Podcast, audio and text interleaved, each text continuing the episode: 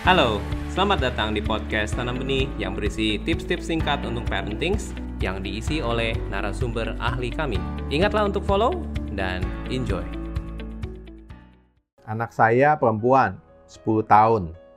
Mudah sekali atau cepat tanggap membantu orang lain. Juga sering kali berkata maaf walaupun tidak ada kesalahan. Saya takut kebaikannya dalam membantu orang lain itu dimanfaatkan temannya yang nakal. Nah, bagaimana solusinya? Pertama-tama, ini yang mesti dilakukan ya. Coba tanyakan ke anak, ajak anak ngobrol. Kan udah umur 10 juga. Ya, apa sih yang kamu rasakan? Setiap kali kamu merasa perlu meminta maaf. Mama lihat kamu kan sering tuh minta maaf sama orang. Nah, kalau ternyata setelah ditanyakan sesuai pengakuan anak ada emosi tertentu yang memang intensitasnya juga tinggi gitu ya terjadi berkali-kali, misalnya aduh sangat merasa bersalah atau sangat takut gitu. Ya pertimbangkan untuk berkonsultasi dengan psikolog anak. Bawa ke psikolog anak. Ya itu kalau seperti itu. Kalau memang hanya soal temperamen yang mempengaruhi dan secara umum artinya tidak ada masalah emosional yang signifikan gitu ya. Maka menurut saya ini hanya proses anak belajar membawa diri di dalam sebuah kehidupan sosial. Jadi dia barangkali perlu belajar menjadi lebih asertif. Jadi mampu mengatakan apa yang ia pikirkan namun dengan cara yang produktif gitu. Ngomong apa yang dia maksud, bisa ngomong tapi bukan kasar begitu. Itu asertif namanya.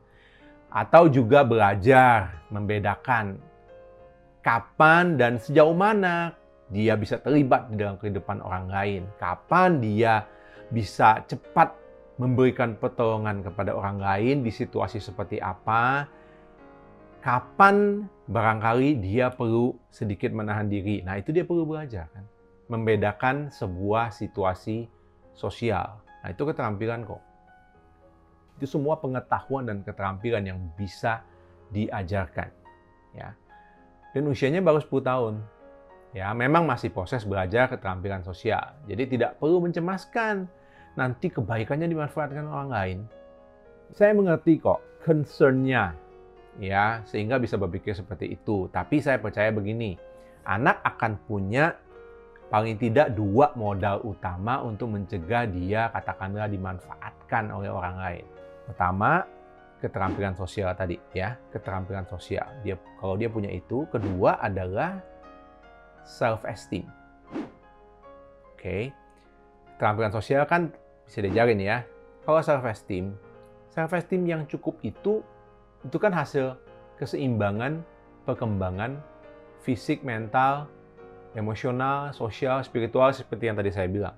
Sehingga dia jadi pribadi yang dewasa. Kalau yang seperti itu, self esteemnya pasti oke. Okay.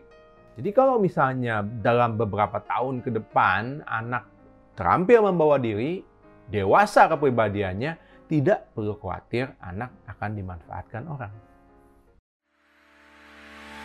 Anda baru saja memperluas pengetahuan parenting Anda. Follow podcast Tanah Benih di Spotify untuk terus mendapatkan update pengetahuan parenting. Mari bersama-sama menjadi orang tua yang lebih baik untuk generasi bangsa yang lebih baik.